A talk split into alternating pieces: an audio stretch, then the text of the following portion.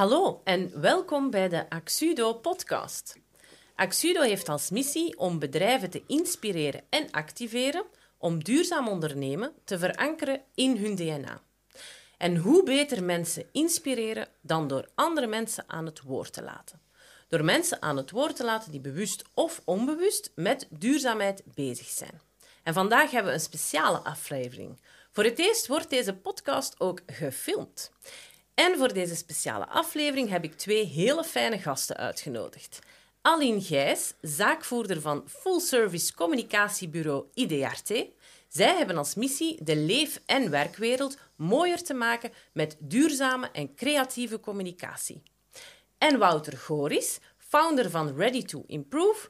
Zij inspireren mensen om gemotiveerd te zijn om duurzaam gezond te leven. Twee ondernemers met een missie dus. Welkom Aline en Wouter. Hallo. Hallo, dag Jocelyn. Blij dat jullie er zijn uit het verre Limburg. Absoluut. Viel nog goed mee. Ja, ben blij. We gaan beginnen. De eerste vraag in mijn podcast is altijd: wie is Aline? Aline is uh, 31 jaar, komt uit Sint-Truiden, uit het verre Limburg. Um, en is inderdaad vandaag medezaakvoerder van IDRT. Um, ik heb communicatie gestudeerd en daarna business management.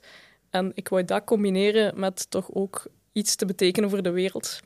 Uh, en dan ben ik zeven jaar geleden bij IDRT gaan aankloppen. IDRT bestaat vandaag 30 jaar, dus het is al langer bezig. Um, maar het is uh, een bureau wat creativiteit voorop stelt en de wereld mooier wil maken, zoals je het daarnet ook zei. Mooi. Uh, en daar probeer ik aan mee te werken. Super. En Wouter, wie is Wouter? Uh, ik ben Wouter, psycholoog van opleiding. Eerst arbeids- en organisatiepsychologie gestudeerd, daarna sport- en bewegingspsychologie. Uh, sportpsychologie is meer uh, proberen mensen topprestaties te laten beleven. Proberen. Bewegingspsychologie is mensen helpen gezonder te leven. En eigenlijk heb ik op die manier van, mijn, van, ja, van een hobby een beroep kunnen maken. Ja. In de zin van mensen gaan inspireren om duurzaam gezonder te leven. Ja, dat, dat is iets heel fijn, iets heel positiefs om daar dagelijks mee bezig te zijn. Daarlangs ben ik papa van drie dochters. Ook, ook belangrijk, Fleur, Pauline en Emma. Dat, uh, Bij deze zijn ze ook vermeld. Ja, voilà, dat gaan ze heel leuk vinden. Ja, voilà, leuk. Uh, en ik ben altijd heel veel bezig geweest met sport en beweging. En, en daaruit verder vloeiend gezondheid is iets dat mij interesseert. Dat welzijn, Wouter, dat is wel iets waar we wat dieper op in gaan gaan. Um, in de bedrijfswereld is welzijn vandaag wel een belangrijk topic. Kan je misschien toch nog eens beschrijven wat dat de voordelen zijn voor een bedrijf om met welzijn aan de slag te gaan? Ja, er zijn enorm veel voordelen. Hè. Maar om te beginnen, mensen die zich goed in hun vel voelen, het is geen rocket science dat die beter gaan presteren. En uiteraard, hoe beter dat je presteert, hoe beter dat de individuen presteren, hoe, hoe beter de impact is voor het bedrijf. Daarlangs, iemand die goed in zijn vel voelt, is ook gemakkelijker, socialer naar andere collega's toe. Wat natuurlijk weer die prestaties in de hand werkt. En vandaag de dag zie je ook wel dat naar buiten komen als werkgever die daarmee bezig is, en dan komen we een beetje in ja. haar, haar, haar, domein ook natuurlijk, ja, dat trekt aan. Ja. Medewerkers zijn vandaag de dag meer en meer op zoek naar die meerwaarde binnen het bedrijf. Een bedrijf dat aandacht besteedt aan het welzijn van de mensen, maar ook aan het welzijn van de wereld. Ja. En ja, als dat iets is waar dat je aan werkt, ofwel op het vlak rond duurzaamheid, ofwel op het vlak van welzijn, en dat ook nog eens kunt communiceren naar de buitenwereld, ja, dan, dan zijn mensen geïnteresseerd om voor u te komen werken en natuurlijk het beste voor zichzelf en op die manier het beste voor de wereld te geven. Ja. En zo komen we eigenlijk direct bij jou, bij Aline, want communiceren, heeft Wouter al gezegd, dat is toch al, nog altijd de essentie. Hè? Wouter mag nog zoveel rond welzijn werken als hij wil. Als er niet over gecommuniceerd wordt, dan is er toch een gat, denk ik. Inderdaad, de boodschap van Wouter is alleen maar sterk als die ook aankomt bij de ontvanger. Uh, en in deze zijn dat ofwel medewerkers ofwel potentiële medewerkers die dan voor die organisatie zouden gaan solliciteren. Uh, we proberen dat op creatieve manieren te doen om ook iedereen te bereiken. Dus we hebben ja, bedrijven waar bijvoorbeeld iedereen achter de computer zit. En dan kun je veel digitaal doen. Maar er zijn ook bedrijven met mensen op de werkvloer um, die geen toegang hebben tot computers. En dan moet je creatiever gaan zijn in de middelen die we gebruiken. Ja. Ja, het is misschien interessant dat we dat eens toelichten met een case. Hè. Um, misschien kan ik daar eerst duurzaamheid nog zelf aan linken. Want ja, welzijn is eigenlijk... SDG 3 voor de kenners. Uh, het gaat over welzijn en uh, well-being. Um, dus een belangrijke SDG binnen het aanbod van de 17 SDG's, die eigenlijk de Sustainable Development Goals zijn, uh, ooit opgericht door de Verenigde Naties met als doel om de wereld terug op een duurzaam pad te brengen. We gebruiken die vaak in het traject rond duurzaam ondernemen bij bedrijven als een soort van ehm, laten we zeggen, guideline of kompas om dat bedrijf eigenlijk duurzamer te gaan laten werken. De drie wordt bijna altijd gekozen uh, omwille van... Hè, voilà, dat is logisch. en um, omwille van jij, wat jij zegt, hè, Wouter. Dus het past eigenlijk heel mooi in elkaar. Duurzaamheid, welzijn en de communicatie daar rond. Um, als we daar wat verder op ingaan, dan is het misschien fijn om gewoon eens een case toe te lichten. Hè. Super concreet. Wij hebben uh, met z'n drieën samen gewerkt op een klant die heet Data Intuitive. Een prachtig IT-bedrijf uh, waar ze eigenlijk heel fel bezig zijn met zowel duurzaamheid in het breder perspectief, als welzijn, als de communicatie. Um, ik zal misschien van mijn kant even toelichten wat, wat ik daar al uh, gedaan heb. Hè. Zoals ik daar juist zei, we gebruiken de SDG's als een kompas. Dus wij hebben een oefening gedaan met hen van welke SDG's vinden jullie nu belangrijk? Met eigenlijk als doel uh, een actieplan te maken op basis van wat ze belangrijk vinden. De drie kwam daar natuurlijk uit. Uh, ze staan daar ook voor. Ook een bedrijf dat eigenlijk wel heel ja, nieuw uh, denkt eigenlijk. Hè. Ze zijn wel innovatief, ook in hun uh, producten, wat dat ze maken, maar vooral ook in de manier van werken. Iedereen werkt thuis. Uh, dat is toch speciaal. Ze hebben niet echt een kantoor. Dat is eigenlijk ook al mega duurzaam, hè, want geen energie voor dat kantoor en al die... Dus ik vind dat wel een heel tof bedrijf om mee te starten. Um, dus van mijn kant hebben we dat traject eigenlijk echt gestart vanuit wat gaan we doen rond duurzaamheid. Wat hebben jullie ondertussen daar uh, allemaal al bereikt, uh, Wouter? Ja, het leuke is aan zo'n organisatie is gestart vanuit drie ondernemers die ook wel gezien hebben op een aantal vlakken hoe het beter kan.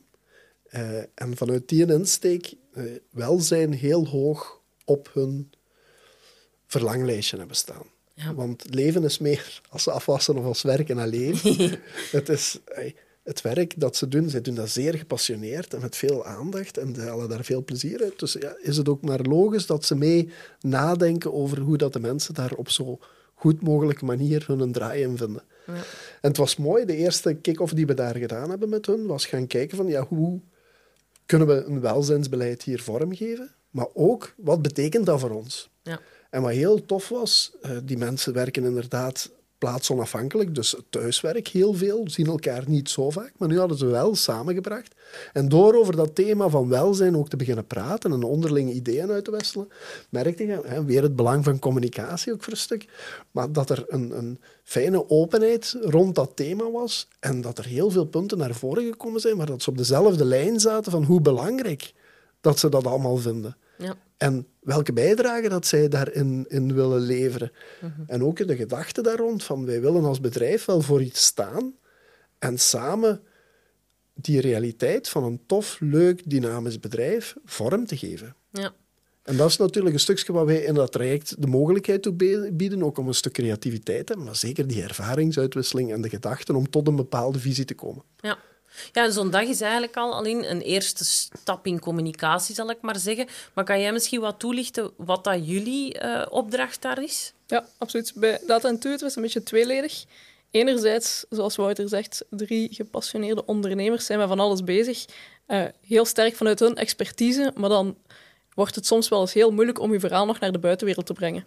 Dus om dat verhaal scherp te stellen, um, hebben ze samen met ons gebrainstormd over oké, wat, wat doen we nu eigenlijk? Het klinkt een heel eenvoudige vraag, maar soms toch wel moeilijk te beantwoorden. Mhm. En waarom doen we het? En dan komt je natuurlijk naar je missie. Um, dus dat is trajectje één uh, waar we mee bezig zijn. En dan het tweede is inderdaad dat we verder gaan op die SDG's. Um, dat we dat gaan definiëren in actieplannen. Dan is het eerder uw uh, deel van de opdracht. Maar dan is het ook belangrijk om dat in communicatie te gieten. Want hoe breng je dat naar buiten? Dus vaak gevoelige communicatie. Um, dus daar uh, wordt ons advies ingeroepen van oké, hoe vertellen we nu aan de wereld wat we aan het doen zijn? Heel transparant, heel eerlijk, maar toch ook ambitieus. Ja. Dat is altijd een moeilijke. Hè. Bedrijven, ik merk dat wel, bedrijven durven intern communicatie over duurzaamheid en welzijn. Dat loopt meestal wel redelijk. Kan altijd beter. Maar vooral het externe, daar zijn bedrijven heel bang voor. En ik begrijp dat ergens wel. Omdat er wordt heel vaak, als iemand gaat communiceren van ja, wij zetten in op duurzaamheid, dan wordt er gelijk zo met een vergrootglas gekeken wat die doen. En als ze dan nog maar iets doen dat onder de definitie valt van niet duurzaam, dan wordt dat eigenlijk hè, bekritiseerd. En dat is moeilijk. Maar het is wel belangrijk dat je erover communiceert. Hè. Zoals gezegd, ook voor, vanuit zo employer branding hè, naar, naar toekomstige uh, medewerkers, maar ook wel naar uw klanten. Hè? Waar sta jij voor als bedrijf dan? Dat is ook belangrijk dat je kunt meegeven van wij vinden duurzaamheid belangrijk en daarover extern communiceren. Ja. Je haalde het al aan, het is zowel intern als extern. Ik zie wel in vele bedrijven nog veel uitdagingen op communicatievlak ook. Mm op welzijnsvlak is het niet zozeer, denk ik, het niet durven, maar ook een stukje er, ermee bezig zijn. Hè. En dan zie je wel wat evolueren de laatste jaren, maar ik denk dat er toch nog wel wat werk aan is om op een gestructureerde manier leuke beelden, leuk materiaal dat er gemaakt wordt, en zeker op dat vlak van welzijn en duurzaamheid, je kunt daar echt iets eh, mooie communicatie rond maken, dat dat wel nog een uitdaging is om, om ze daarin te ondersteunen of om dat zelf georganiseerd te krijgen. Ja. En ook om dat op een duurzame manier te doen. Want het is dan wel vaak voor, ah, veel voorkomend dat we een bureau inschakelen en die maken dan wat content uh, en masse. Uh, en dan heb je iets voor drie maanden te communiceren, maar dan valt dat stil. Dus het is ook daar belangrijk dat we echt wel daarover nadenken, over een framework te vormen van oké, als we dit nu maandelijks doen, dan is dat vol te houden tot in de eeuwigheid. Want dat is duurzaam uiteindelijk. Ja, ja dat is wel wat duurzaam. Hè? Lange termijn, daar gaan we voor. Ja, ja. Ja, super interessant. Ehm, ik denk dat we bij Data Intuitive ook wel heel concreet met welzijn zijn bezig geweest op die dag. Hè. Jullie hebben toen gebokst. Ja. waarom, waarom kies je dat boksen eigenlijk uh, als, als uh, manier om dat welzijn te bevorderen? Goeie vraag, Joslijn. Dat, dat kan eigenlijk bij elk type beweging wel werken. Uh, de boodschap die we willen brengen daarmee is dat gedrag, dat je dat kunt veranderen.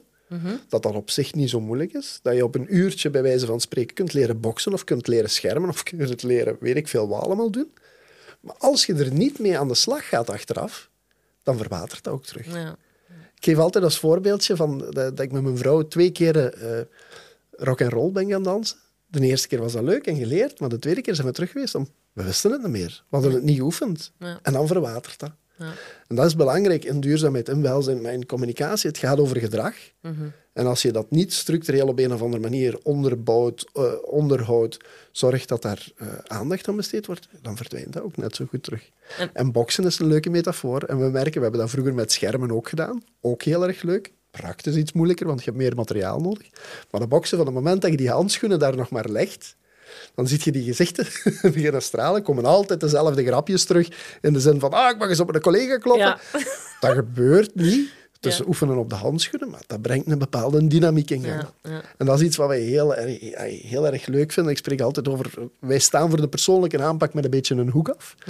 Dus ja, alles wat plezant is, dat brengen we graag aan. Want wat plezant is, dat onthoud je. En wat plezant is, dan pas je toe. Ja, en jullie zorgen ook eigenlijk voor, wat je daar juist zei, het uh, continuïteit van dat verhaal. Daar kunnen jullie ook bij helpen, hè? Wij streven meer en meer naar een concept, een persoon, well-being manager heet die, die aanwezig is in het bedrijf, die eigenlijk part of the team is in de organisatie en die dat mee bewaakt. Mm In eerste instantie, zoals ze de naam uitspreekt, het well-being verhaal, maar die ook de nodige specialisten kan inschakelen als dat nodig is. Het zij op vlak van well-being, zeg maar iets als er een traject rond gezondheid of rond uh, voeding nodig is, dan haalt hij de specialist erbij. Als hij merkt dat er ergens iets uh, rond rookstrop te doen is, dan brengt hij een tabacoloog mee in het verhaal. Maar net zo goed naar duurzaamheid.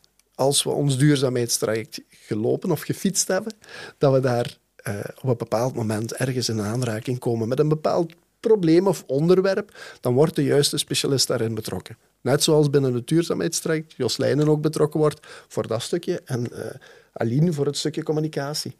Maar die well-being manager die brengt het dan wel allemaal samen, vandaag, morgen en overmorgen, om met de juiste specialisten de juiste nageltjes te blijven kloppen. Ja, die houdt het warm eigenlijk. Hè? Dat is het idee. Ja, ja, voilà. Nu, jullie organiseren ook een aantal challenges, hè? Ja, Misschien kunnen we daar eens wat meer. Dat is altijd leuk, hè? Tja, In het kader van uh, persoonlijk met een beetje een hoek af. Hè. Uh, challenges, ja, dat doet toch wel iets binnen mens. En ik, ik moet zeggen, vanuit de motivatiepsychologie, waar ik veel mee bezig geweest ben ook, uh, je gaat proberen een aantal domeinen te bereiken. Je gaat proberen mensen autonomie te laten ervaren. Proberen eigen keuzes te laten maken. Belongingness, de verbinding tussen mensen is belangrijk. En competentie, het gevoel van ergens beter in te worden, of dat nu gaat over duurzaamheid of over je gezond gedrag, heeft allemaal een impact. Hm. Maar dat stukje competitie, dat maakt de mensen op een plezante manier een klein beetje zot. Ja. En dat merken we. We hadden vroeger al in onze projecten een heel groot deelnemersaantal, maar met dat stukje competitie is dat nog van 80 naar 90 procent gestegen. Ja. Een klein voorbeeldje, we hebben bij Acerta nu recent een, een Global Challenge gelanceerd. Dat gaat eigenlijk over het verzamelen van kilometers. En het eerste jaar hadden we een individuele uh, setting gecreëerd, dat ze allemaal samen probeerden twee keer de wereld rond te gaan. Even hebben 580 deelnemers uh, deelgenomen.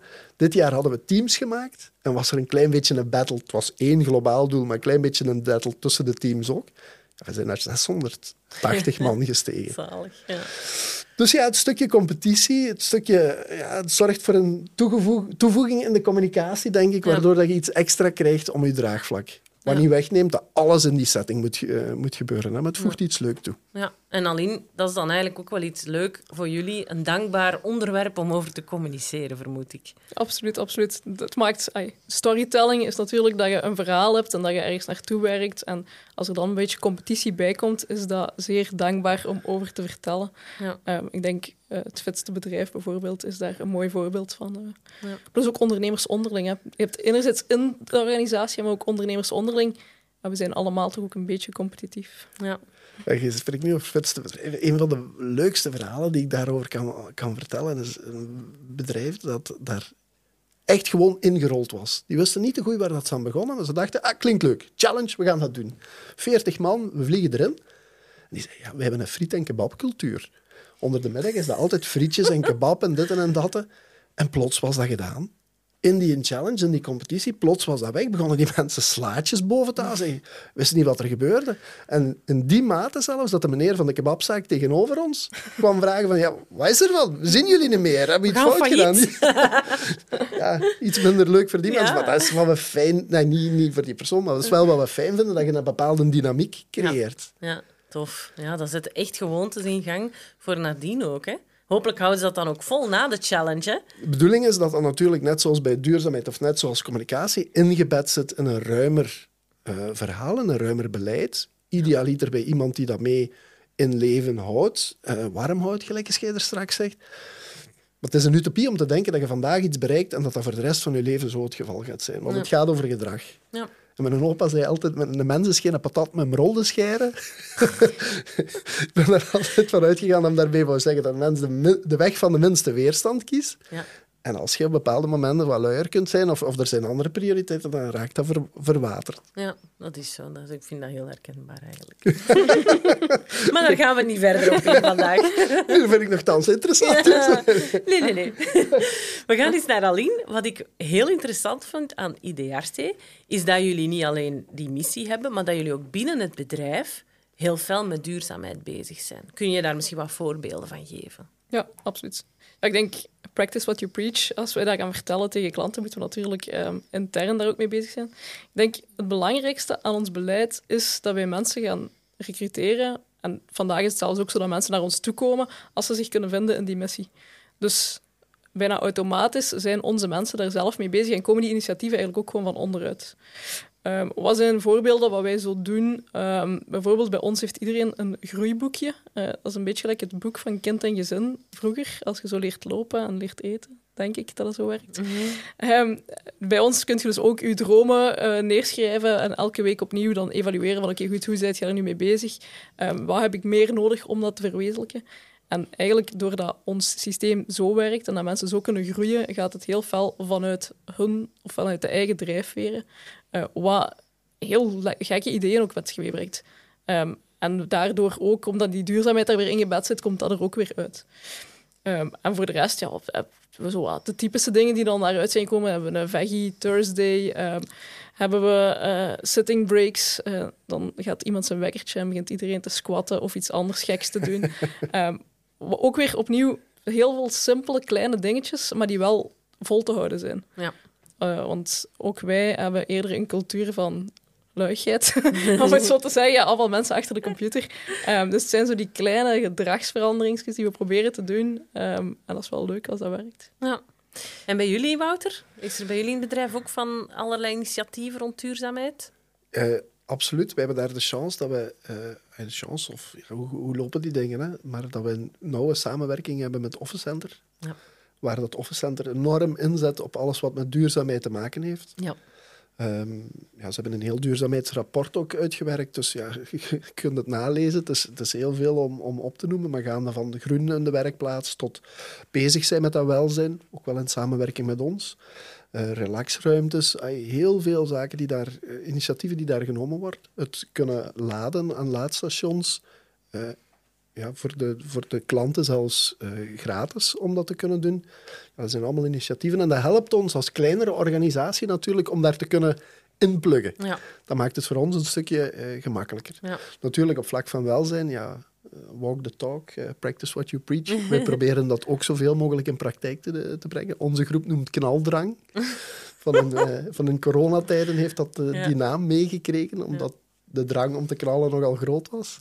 En daar worden allerlei ideeën uitgewisseld en proberen we aan ons eigen eh, welzijn te werken. Maar ook op dat vlak, hè, dat zijn dan eh, natuurlijk bepaalde structuren, maar eh, ook vanuit corona wat geïnspireerd in die tijd. Wij hebben uiteraard een chatgroep, maar we hebben de gewoonte om met ons kleine team iedere ochtend te laten weten aan elkaar wat er op ons programma staat. Al is dat maar even inchecken. We werken heel plaatsonafhankelijk, iedereen van thuis en, en bij de klanten. En, en we zwieren alle kanten van, van het land rond. Maar dat geeft wel dat je een stukje connectie creëert. Al is dat maar zo'n klein stukje communicatie. Iedereen heeft toch even gelezen waar dat een andere persoon mee bezig is. Dat werkt eigenlijk heel goed, maar dat zijn die kleine patroontjes, kleine gewoontes die, er, eh, die erin komen. Hè. Ja, ja, fijn. Leuk om te zien dat er toch alweer twee organisaties bezig zijn met duurzaamheid. En als we het over Office Center hebben, dan eh, kunnen de luisteraars ook altijd nog eens teruggrijpen naar een paar afleveringen geleden. Ik weet het nummer niet meer, maar we hebben Christa Joeke ook al op bezoek gehad, waarin dat we eh, dat allemaal hebben uitgelegd. En wat mij daar wel vooral opvalt, is dat ehm, ja, de klant staat mega centraal bij Office Center. En eigenlijk eh, zijn alle duurzaamheidsinitiatieven ook ingegeven door de klanten. Ze doen Ja. dat voor de klanten, zoals jij eigenlijk komt te vertellen, als een soort van getuigenis. Maar ze doen dat echt daarom. Eh, en dat is wel heel krachtig. Hè. Ehm, er zijn een aantal redenen om aan duurzaam ondernemen te gaan doen. Hè. Je, hebt, je hebt mensen die dat doen omdat ze ja, vinden dat dat moet. Hè? Dat, dat, zoals ik bijvoorbeeld.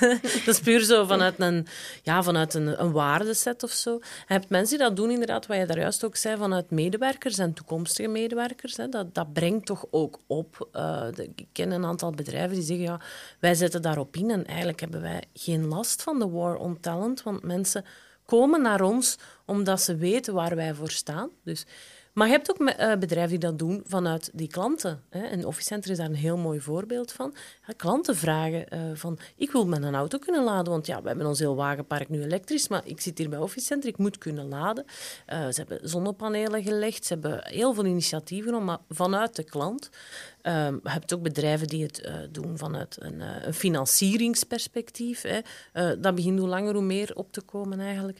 Ehm, maar goed, alle redenen zijn goed als we maar uiteindelijk naar dat uiteindelijke doel gaan. En dat is de wereld een beetje beter maken. ja, hè. Dat is wat we willen doen uiteindelijk. Hè. En wij willen dat met ons drieën ook samen doen. Hè, vanuit, vanuit het idee dat we eh, samenwerken. Ik denk dat we ook duurzaamheid in ons partnership aan het eh, opzetten zijn. En dat is ook wel een hele belangrijke. Eh, Leverancier-klantrelatie is denk ik iets dat vandaag nog te weinig belicht wordt. Hè. Eh, er zijn bedrijven die daar wel al mee bezig zijn, maar ik vind het zelf ook heel belangrijk dat je... ehm, dat je mensen waar je mee samenwerkt, die, die dan uw leverancier zijn, zo. ik vind dat zo'n beetje een, een, ja, negatief is veel gezegd, maar ik vind dat een beetje een zwaar woord, want voor mij zijn allemaal partners. Hè, je werkt samen aan een doel en eh, het is dan heel belangrijk dat iedereen daarin zijn waarde kan blijven. Dus duurzame leverancier-klantrelatie is nog een topic waar ik ook eh, heel veel eh, mee bezig ben. En ik denk dat jullie daar ook, ehm, misschien niet bewust, hè, maar toch ook mee bezig zijn. Dat jullie ook wel willen samenwerken met mensen die in dezelfde waardeset zitten. Ja. Wil je daar iets over zeggen, Aline? Ja, ja, ik was, eh, wij zijn bezig aan een manifest, of ja, een soort van regelgeving, om het dan niet zo mooi te zeggen, ehm, waar onze leveranciers aan moeten voldoen. Omdat inderdaad, het is zeker onderbelicht, maar zeker voor ons als communicatiebureau zijn uw leveranciers een heel belangrijke factor in hoe duurzaam je communiceert. Ja. Dus ehm, bijvoorbeeld drukkerijen en zo moeten aan ons bewijzen wat zij bezig, zijn- hoe zij aan duurzaamheid eh, bijdragen. Ja. En zo proberen we dan eigenlijk, dat is de droom, pak 2024 moet het af zijn, dat we een tool hebben om uw communicatieplannen enzovoort een score te geven. Uw impact op de planeet, uw impact op mensen. En dan gaan die leveranciers wel een heel belangrijke rol spelen, want als ze dan voor die leverancier kiezen, gaat hun score ineens veel beter worden als dat ze voor een andere leverancier kiezen. Ja. Dus zo proberen wij vanuit onze kleine rol de leveranciers ook een beetje te motiveren om ook hierin mee te gaan. Ja. Maar bijkomend voordeel van een manifest is dat je heel duidelijk kunt maken waar je als bedrijf voor staat. En eh, ik ken ook een paar klanten van mij die ook bezig zijn met, zij noemen dat dan een charter, komt eigenlijk op hetzelfde neer, maar die ook durven naar hun klant stappen en zeggen van, als wij uw leverancier worden, dan is dit waar wij voor staan. En voor ons zijn deze waarden belangrijk om ervoor te zorgen, eigenlijk teruggaan naar die medewerkers, dat eh, ik spreek nu eigenlijk voornamelijk over dienstenbedrijven. Als je diensten levert aan een bedrijf, dan moet dat ook wel kloppen. Want als uw medewerkers daartoe komen en die worden daar, allee, bij wijze van spreken, eh, uitgeperst als een citroen, die moeten de hele dag aan hun stoel blijven zitten, die mogen niet bewegen, ja, dat werkt niet. Hè. Daar worden uw medewerkers niet blij van. Daar wordt die relatie met die klant eh, niet beter van. Dus het is wel belangrijk dat je dat van in het begin durft aan te geven. En ik merk wel dat meer en meer dienstenbedrijven in de leverancierrol daar ook durven over communiceren. Dat is ook iets wat eigenlijk wat jouw manifest eigenlijk zegt. hè. Ja, inderdaad. Ja, Ideachte bestaat 30 jaar, dus we hebben natuurlijk ook al een aantal klanten die al heel lang klant zijn, eh, nog ver voordat dat wij het allemaal zo duidelijk hadden. Ehm, en dan voelt je wel puur al op gevoel dat sommige bedrijven anders staan in hun waarden en normen. Eh, en door dat nu allemaal scherp te stellen, is het ook niet erg als die bedrijven dan eh, ergens anders hun diensten gaan afnemen, maar je voelt gewoon dat het te vaak botst. Ja. Ook al zijn die maar op zoek naar een flyer en daar een layout voor. Maar dan in de communicatie en zo voelt Ja. je dan dat het eigenlijk... Ja, bij sommige klanten loopt het vanzelf en bij anderen loopt dat Ja. moeilijker. Ja, dat gaat vaak over die waarden. Ja, En, en, en dan is dat heel gedurfd. Maar soms moet je ook durven zeggen... Wij zijn niet meer de leverancier voor u, want dit, dit werkt niet. Dat, dat is iets dat, dat, u, dat op korte termijn misschien even pijn doet, zeker als het al lange relaties of zo, maar dat uw bedrijf gewoon op lange termijn eh, veel voordelen gaat bieden, omdat je ehm, ja, gewoon op een andere manier kunt samenwerken met bedrijven die wel passen. Ja. Plus tegelijk, sinds dat wij het zo scherp hebben gesteld en ook naar de buitenwereld communiceren, voelt je dat andere bedrijven die dan wel helemaal in datzelfde waarde-idee zitten, eh, de weg vinden naar ons. Ja, ja. Enfin, en zo hebben we ook de weg gevonden naar elkaar Ja, uiteindelijk. ja, dat is zo, hè. Zo, zo werkt dat ook. Hè. Eh, En Daar wil ik wel even iets op zeggen. Want ja, en charters zijn allemaal heel belangrijk. En ook voor jezelf voor het scherp te stellen. Maar veel zit ook in, in feelingen. ja. Eh, zo hebben we elkaar gevonden. ik denk op een bepaald moment... Ideeën, waardes... Zit, eh, dat is iets ontastbaar dat tussen de mensen, mensen zit. En je vindt elkaar wel. Ja, En ik denk die groep die dat belangrijker vindt, ook vanuit de maatschappij, is groter en groter aan het worden, wat, wat tof is. Ehm, ik denk dat we op dat vlak dan ook een maatschappelijke shift geleidelijk aan gaan, gaan inzetten. Hè. ja. ja, dat is waar, dat is waar. En dat is wel een belangrijke. We kunnen een voorbeeldrol opnemen. Hè? Een van onze basiswaarden in, in bij Ready to Improve, en ik, ik hou daar veel aan, is proberen een voorbeeld te zijn. Maar ik vind die proberen ook altijd belangrijk. Ja. Want zeker op vlak van gedrag, en, en niemand is perfect. En bij duurzaamheid of, of milieuvriendelijk, ik vind dat trouwens een heel moeilijk hoofdstuk of een heel moeilijk gegeven van ja, wat, nog te goed te weten over bepaalde dingen. Wat is nu nog milieuvriendelijk of duurzaam? ja, dat is waar. Want je begint dan over de dingen met de batterijen, maar de batterijen worden dan overgevlogen over de hele wereld om ze daar te krijgen. Het is geen gemakkelijk vraagstuk. Hè? Nee, het is een heel moeilijk verhaal, dat is waar. En daarom dat we ook proberen om bedrijven eh, op basis van die 17 SDG's dan, eigenlijk op basis van alle thema's die duurzaamheid omvatten, om die eigenlijk een bepaalde ja, prioritisering te geven. Dat wil niet zeggen dat je dat wel gaat doen en al de rest niet. Dus dat je direct gaat, gaat... Dat is dan een negatiever verhaal. Maar je moet eigenlijk zorgen dat je prioriteit kunt geven aan een aantal dingen en nu daarop uh, op, op inzoomen eigenlijk. En dan is het kwestie van dingen uitzoeken. Hè. Um, ja we gaan die discussie over die batterijen nu niet voeren, maar, maar het, het, het, het is wel zo dat er heel wat um, techniek en materialen en edele metalen in, in al die nieuwe uh, tools zit, zoals de elektrische wagens, zoals de batterijen. En daar zit eigenlijk de, de moeilijkheid, hè, omdat dat edele metalen zijn die vaak uh, uitgeput gaan raken binnen zeer korte termijn zelfs, uh, heb ik recent gehoord. Dus daar bestaan wel van alle um, onderzoeken naar, hè, daar kun je van alles over, over vinden. Maar als je dus zoomt op een aantal topics, dan kun je ook veel gemakkelijker daar je weg in vinden. Hè, dan als je blijft kijken naar de het grote geheel ja, het is en blijft wel vandaag een beetje een containerbegrip waar dat je eigenlijk je eigen saus van moet uh, maken. wat jullie ook gedaan hebben eigenlijk, hè, Aline. Want als ik het goed begrepen heb, dan zijn jullie ook met Foca Charter Duurzaam Ondernemen bezig. Hoe helpt jullie dat? Ja, klopt. Ik wou net inpikken op dat nu. Eigenlijk is dat een mooi bruggetje. Er zijn heel veel bedrijven en bedrijfsleiders die het wel willen. En uh, duurzaamheid is zo een, een, begrip geworden. En je denkt van, oké, we, we willen hier iets mee doen maar hoe? Ja. En, hoe begin ik eraan? En hoe begin ik eraan? En eigenlijk uh, was dat onze reden om dan aan het FOCA Charter deel te nemen, omdat ze u dan helpen met een actieplan op te stellen enzovoort. Um, de samenwerking met Axido gaat natuurlijk nog een beetje verder. Um, FOCA Charter is ook vooral ondernemers samenbrengen die daarmee bezig zijn. Mm. En we hebben nu onlangs nog onze juryvoorstelling gehad. En dan krijg je wel wat kritische vragen terug, waarmee je dan terug volgend jaar kunt verder werken. Uh, en zo gaat je eigenlijk elk jaar een jaartje hoger, gelijk uh, op school vroeger. Ja. Um, dus op zich is het wel leuk om... Je wordt verplicht om ermee bezig te zijn en je krijgt hier en daar raad en je wordt dan ook weer doorverwezen naar de juiste mensen om ermee bezig te zijn. Ja. Dat is ook hetgeen dat we altijd gemerkt hebben op vlak van welzijn. Uh, wie vindt dat niet belangrijk? Ja. Maar hoe pak je dat aan? Ja. En waar start je daarmee? Dat is het, hè. En dat is ook het leuke, denk ik, wat wij met ons drieën samen proberen te doen, om bedrijven daar stapsgewijs met die drie domeinen proberen de handvaten te bieden om daarmee aan de slag te gaan. Vandaag, morgen en overmorgen. Ja, en het hangt mooi aan elkaar, uh, de topics. En we bieden eigenlijk een, een totaaloplossing hè, om, om ermee aan de slag te gaan. En, uh, en dat is eigenlijk de kracht, hè, buiten het feit dat we ook gewoon mega goed samenwerken. Hè. maar dat, dat is wel de kracht, hè, dat we een totaaloplossing kunnen aanbieden. Het leuke vond ik, eh, om ook over dat duurzaamheid... En het is niet eenvoudig en hoe het in elkaar zit, maar het, het brengt wel een nieuwe manier van denken naar voren. Intellectueel uitdagend ook. Hoe gaat je van een product, eh, cradle to cradle noemen ze dat zeker, hoe mhm. ga ik nadenken van bij de productie van iets, wat er mee gaat gebeuren daarna. Ja. Ah, intellectueel een super toffe, toffe manier om over de dingen te denken. Hè. Ja. Het daagt ons, denk ik, als mens en als maatschappij uit om anders te denken.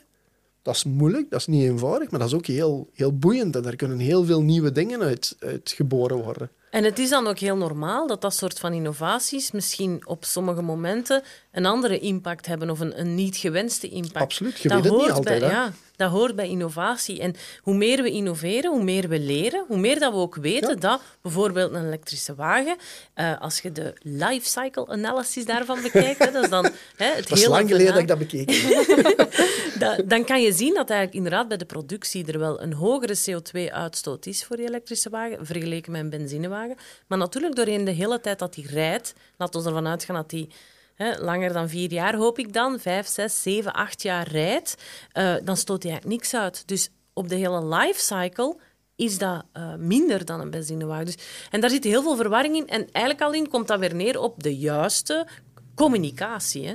Ja, absoluut, absoluut. Maar daarover vind ik deze podcast ook heel leuk, omdat die verhalen, hè, iedereen is bezig met iets en probeert daar expertise in te verzamelen, maar doordat we die verhalen gaan delen met elkaar, gaat je ook veel sneller kunnen leren en moet niet iedereen dezelfde fouten maken. Ja, dat is waar.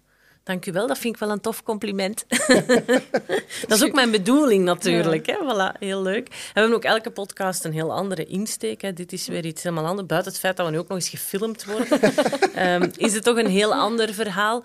Um, ik, ik wou nog één, één ding inzoomen, Aline. Dat is eigenlijk de, de, er komt een nieuwe wetgeving aan, de CSRD, de Corporate Sustainability Reporting Directive. Ik moet er altijd even over nadenken.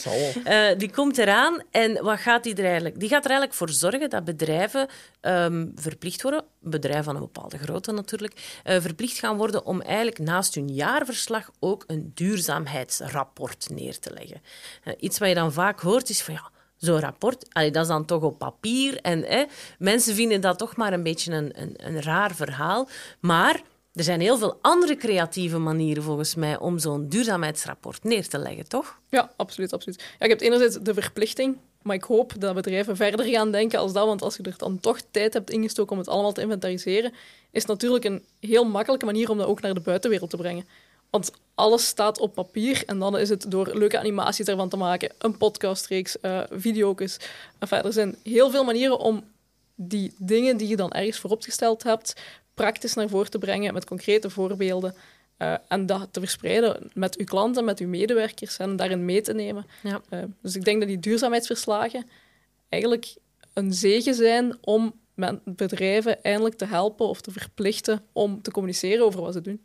Ja, want het gaat niet alleen gaan over de bedrijven die moeten.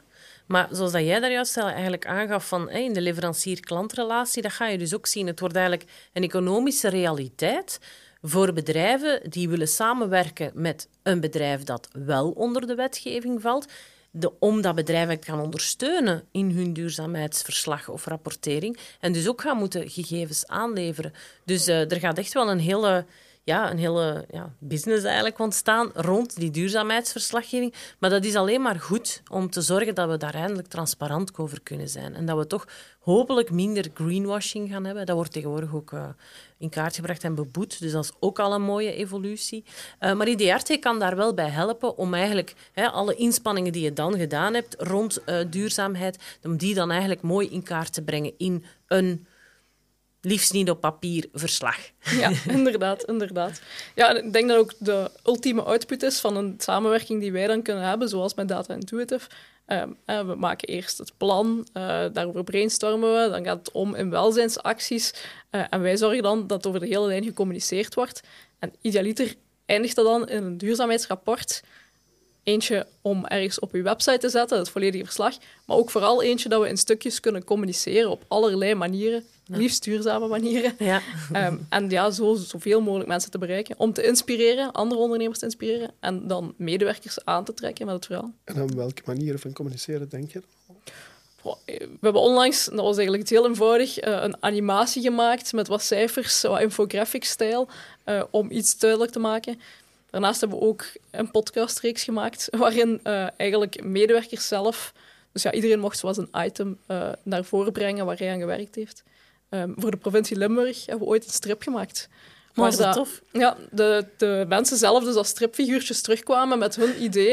Um, en waar dat eigenlijk zo de provincie van de toekomst of, of het uh, perspectief werd ja, op strip neergezet. Communicatie is leuk. Hè. Ja, er zoveel leuke kanten. En ja, dat is ook weer zoiets. Ay, dat is dan wel op papier, maar op zich is een strip wel duurzaam, want dat blijft, ay, iedereen kreeg dat mee naar huis, maar dat blijft dan liggen. De kindjes pakken daar is vast. Uh, dat is niet voor eenmalig gebruik, hè? Nee, dat verdwijnt in de kast. Want ja, jezelf als stripfiguur zien, iedereen is daar super trots op. Dat is kei leuk, ja. Het is heel leuk dat ik ooit ben tegengekomen. Dat was een bedrijf dat organiseerde een tekenwedstrijd in dat kader. En de kinderen konden dan tekenen en, en kleuren en, en weet ik wat allemaal. En dat werd dan naar het bedrijf. En dan werd ook wel een, een winnaar uitgeloot of iets dergelijks. Maar dan betrek je je kinderen ja. heel fel in, in de visie van het bedrijf. Aha. Je creëert dan een, een zeer mooie win-win-win. Maar dat is ook communicatie. Hè? Hm? Ja, ja, het moet ook allemaal niet zo duur en fancy te zijn. Vaak het meest authentieke raakt de mensen het meest. Ja, dat is zo. Ja, mooi.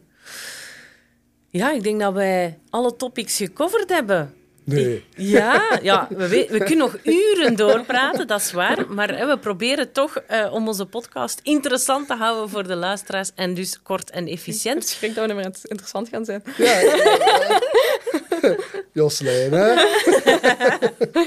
We gaan sowieso zorgen dat er in de show notes verwijzingen staan naar alles wat we hier eigenlijk gezegd hebben. Uh, mensen kunnen daar gaan uh, een kijkje nemen op, op, op LinkedIn-profielen, op jullie website en alle leuke voorbeelden die we hier genoemd hebben. Zo, Dat was het alweer voor deze Axudo-podcast. Ik hoop dat we jullie hebben kunnen inspireren. Aarzel niet om de show notes te raadplegen, om daar connectie te leggen met Aline, met Wouter en verder eh, informatie terug te vinden. Bedankt voor het luisteren en kijken en tot de volgende keer. Bedankt dat je luisterde naar deze podcast. Hopelijk ben je geïnspireerd geraakt door duurzaamheid en duurzaam ondernemen. Wil je meer weten? Download dan mijn whitepaper via mijn website www.axudo.be. Daarin vind je nog meer laagdrempelige tips om met duurzaam ondernemen aan de slag te gaan. Graag tot een volgende keer.